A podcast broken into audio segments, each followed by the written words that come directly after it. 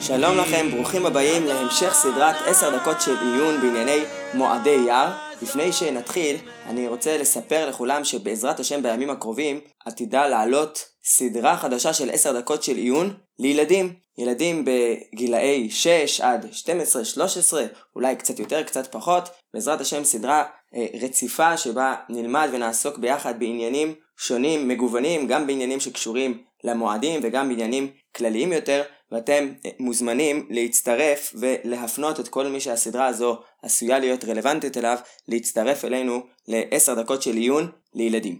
נעסוק בשני הפרקים הבאים בעניינה של קדושת ירושלים לכבוד יום ירושלים המועד האחרון בתוך סדרת מועדי אייר. המעמד המיוחד של ירושלים, שאליה זכינו לחזור בדור שלנו לאחר מלחמת ששת הימים, בא לידי ביטוי גם במסגרת המושג ההלכתי של קדושת המקום. המשנה בתחילת מסכת כלים מונה עשר קדושות זו לפנים מזו, החל מארץ ישראל ועד לקודש הקודשים, ושם במשנה לירושלים יש דרגה עצמאית של מקום קדוש, שיש בו קדושה גבוהה יותר מקדושת שאר ארץ ישראל וגם מקדושת בתי ערי חומה בארץ ישראל, שגם להם יש קדושה מיוחדת. הביטוי המעשי של הקדושה, אומרת המשנה, הוא שבירושלים לפנים מן החומה אוכלים קודשים קלים ומעשר שני. זה דבר מעניין שההלכה שמעשר שני וקודשים קלים צריכים להיאכל במקום קדוש, אבל לאו דווקא במקדש. וההלכה הזו הייתה קיימת גם לפני בחירת ירושלים, בזמן משכן שילה, ומעניין שיש הבדל יסודי בין ההלכות. המשנה במגילה בפרק א' אומרת שאין בין שילה לירושלים, אלא שבשילה אוכלים קודשים קלים ומעשר שני בכל הרועה, ובירושלים לפנים מן החומה. זאת אומרת, בש... בשילה אין מקום מוגדר קדוש סביב המשכן, אלא בכל הרואה, כל מקום שממנו רואים את, המש... את משכן שלו, הוא נחשב מספיק קרוב אל המשכן כדי לאכול בו קודשים קלים ומעשר שני, והתפיסה שעולה מכאן היא שאין איזשהו אזור שמוגדר כקדוש מבחינה הלכתית סביב משכן שלו, אלא שכל עוד נמצאים קרוב למשכן עצמו, יש אפשרות לאכול. ולעומת זאת, הקדושה ההלכתית של ירושלים היא מוגדרת, יש חומה, לפנים מן החומה. החומה הזו מגדירה מקום מסוים שהוא לא חלק מהמקדש, שהמקום הזה הוא קדוש. וזה כמובן מחייב אותנו לנסות ולהבין מה טיבה של הקדושה הזו, ממה היא נובעת. מה הופך את ירושלים, את לפנים מן החומה, למקום בעל קדושה עצמאית שמאפשר וגם מחייב בהלכות שונות שאת חלקה נראה במהלך שני הפרקים הבאים. הרמב"ם בהלכות בית הבחירה בפרק ו' הלכה ט"ז מסביר שלמרות שלגבי כלל קדושת ישראל ההלכה היא, לפי שיטת הרמב"ם, שקדושה ראשונה, קדושה שהתקדשה ארץ ישראל בזמן יהושע, בטלה, קדושת המקדש לא, לא בטלה לעולם. לפי אומר הרמב"ם שקדושת המקדש בירושלים מפני השכינה ושכינה אינה בטלה. קדושת ירושלים אצל הרמב"ם היא לא חלק מהעולם של קדושת ארץ ישראל אלא של קדושת המקדש.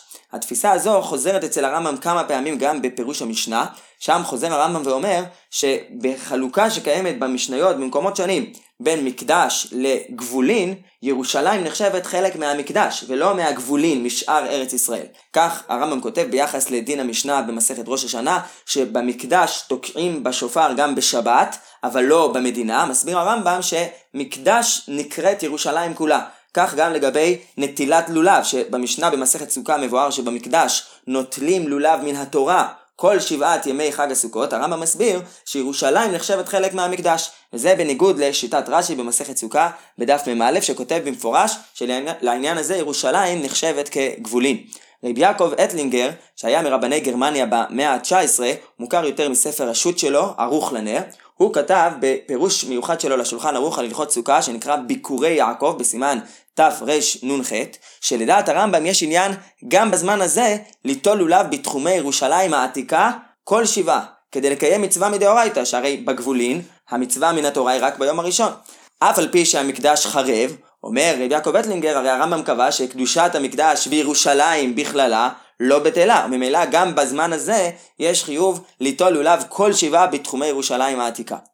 יש כמה מגדולי האחרונים שחלקו על החידוש של הביקורי יעקב מטעמים שונים, בין היתר טען כנגד החידוש הזה רב שלמה זלמן אוירבך בתשובות שלו בשו"ת מנחת שלמה, שכל החיוב של נטילת לולב כל שבעה במקדש קשור לשמחה המיוחדת שהייתה במקדש בחג הסוכות. ושמחתם לפני אדוני אלוהיכם שבעת ימים. אבל בימינו כשחרב המקדש כבר אין את השמחה המיוחדת במקדש לפני השם, טוען רב שלמה זלמן לא שייך גם חיוב נטילת לולב בירושלים כל שבעה.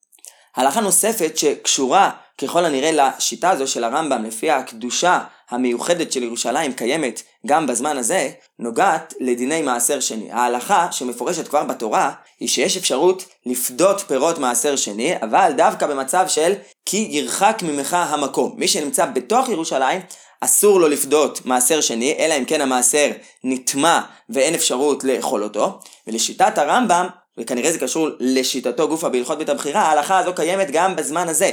גם בזמן הזה, כיוון שקדושת ירושלים קיימת, אסור לפדות מעשר שני שלא נטמע בתוך תחומי ירושלים העתיקה. מתוך כך הפוסקים דנו מה אמורים לעשות עם פירות מעשר שני בירושלים בימינו. אדם שיש לו בחצר עץ פרי, הוא מפריש ממנו מעשר שני, עכשיו ייאסר עליו לפדות אותו, מצד שני הוא לא יכול לאכול אותו לפי הדין בטהרה לפני השם. מה עושים עם הפירות? לפי חלק מהאחרונים, הפתרון הוא להוציא את הפירות מחוץ לגבולות ירושלים לפני שבכלל עושים את הפרשת תרומות ומעשרות, ואז אפשר לפדות את המעשר שני שיפרישו מחוץ לגבולות ירושלים, ואפשרות אחרת שמציעים כמה אחרונים היא שאפשר להפריש בירושלים אבל צריך לדאוג שהפירות ייטמעו על ידי כך שיכשירו אותם לקבל טומאה, ייתנו עליהם מים וממילא כשיגע בהם אדם, כל אדם היום באופן סתמי הוא טמא וכך הפירות ייטמעו ואז יהיה מותר לפדות אותם, והאחרונים אומרים שיש עדיפות לגרום לטומאת הפירות כשהם עדיין תבל, לפני שחל עליהם שם מעשר שני, כיוון שלא פשוט שמותר לכתחילה לגרום טומאה לפירות שהם כבר בגדר מעשר שני, יש בעניין הזה תשובה של הרב קוק בשו"ת משפט כהן, והצעות שונות בהקשרים הללו בדברי האחרונים. ממה שראינו עד עכשיו, אז אפשר להציע בעצם כיוון אחד להבנת האופי של קדושת ירושלים. אפשר להבין שירושלים היא מעין מבואה אל המקדש. אין לירושלים מעמד עצמאי של קדושה, אלא היא המקום שבתוכו נמצא בית המקדש ודרכה נכנסים אליו. קדושת המקדש במובן הזה היא כביכול מתפשטת אל מה שסביב המקדש, וממילא דברים מסוימים כמו קודשים קלים ומעשר שני, שהם באמת קשורים לעולם של קודש ומקדש, לא דורשים אמנם את הקדושה החמורה של שטח המקדש או שטח הר הבית, אבל מספיק להם והם צריך, מצריכים הימצאות בקרבת מקום אל המקדש בירושלים שיש בה מקצת מקדושת המקדש.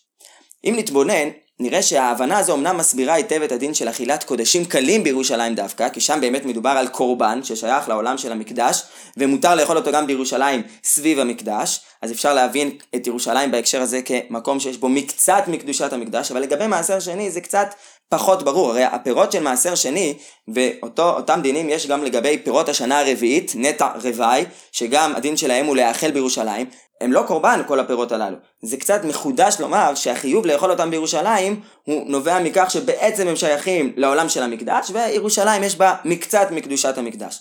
באמת התורה עצמה כותבת בפירוש מה מטרת אכילת פירות מעשר שני במקום אשר יבחר לשכן שמו שם, כותבת התורה, למען תלמד ליראה את אדוני אלוהיך כל הימים. במדרש ההלכה, בספרי, דרשו, למען תלמד מלמד שהמעשר מביא את האדם לידי תלמוד תורה. הנציב, בהעמק דבר, מסביר ש...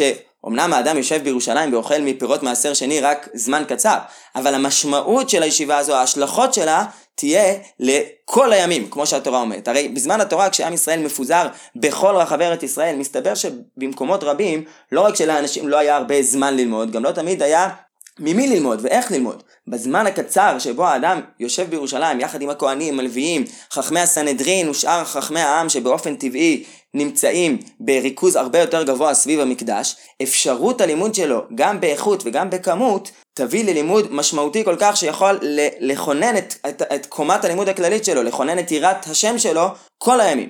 באופן דומה מסביר ספר החינוך גם את המטרה של מצוות מעשר בהמה, שמחייבת לעשר את הבהמות הטהורות, להקריב אותם במקדש ולאכול אותם בירושלים. בהעלות, כותב ספר החינוך, בהעלות כל איש מעשר כל בקר וצאן שלו, שנה שנה במקום שעסק החוכמה והתורה שם, והיא ירושלים, ששם הסנהדרין ויודעי דת ומביני מדע, וכמו כן נעלה לשם מעשר תבואתנו בארבע שני השמיטה, כמו שידוע שמעשר שני נאכל שם, וכן את הריבה שנאכל שם, על כל פנים או ילך לשם בעל הממון בעצמו ללמוד תורה, או ישלח לשם אחד מבניו שילמד שם ויהיה ניזון באותן פירות. מתוך כך כותב החינוך, יהיה בכל בית ובית מכל ישראל איש חכם יודע התורה, אשר ילמד בחוכמתו כל בית אביו, ובכן תמלא הארץ דעה את השם. במובן הזה אפשר להציע שהקדושה המיוחדת של ירושלים היא לא רק שיריים של קדושת המקדש, אלא יש לה משמעות עצמאית. ירושלים היא המקום שבו חיים סביב המקדש. ממילא היא המקום שבו נמצאים אלו שעובדים במקדש, מתפללים במקדש, מורים הוראה לישראל מתוך לשכת הגזית שבמקדש, שם יושבים חכמי הסנהדרין ותלמידיהם. ממילא היא המקום המיועד ליראה את השם. מתוך כך אם נחזור לתחילת הדברים בנוגע למצוות לולב, מתאפשרת בו לדעת הרמב"ם גם השמחה לפני השם.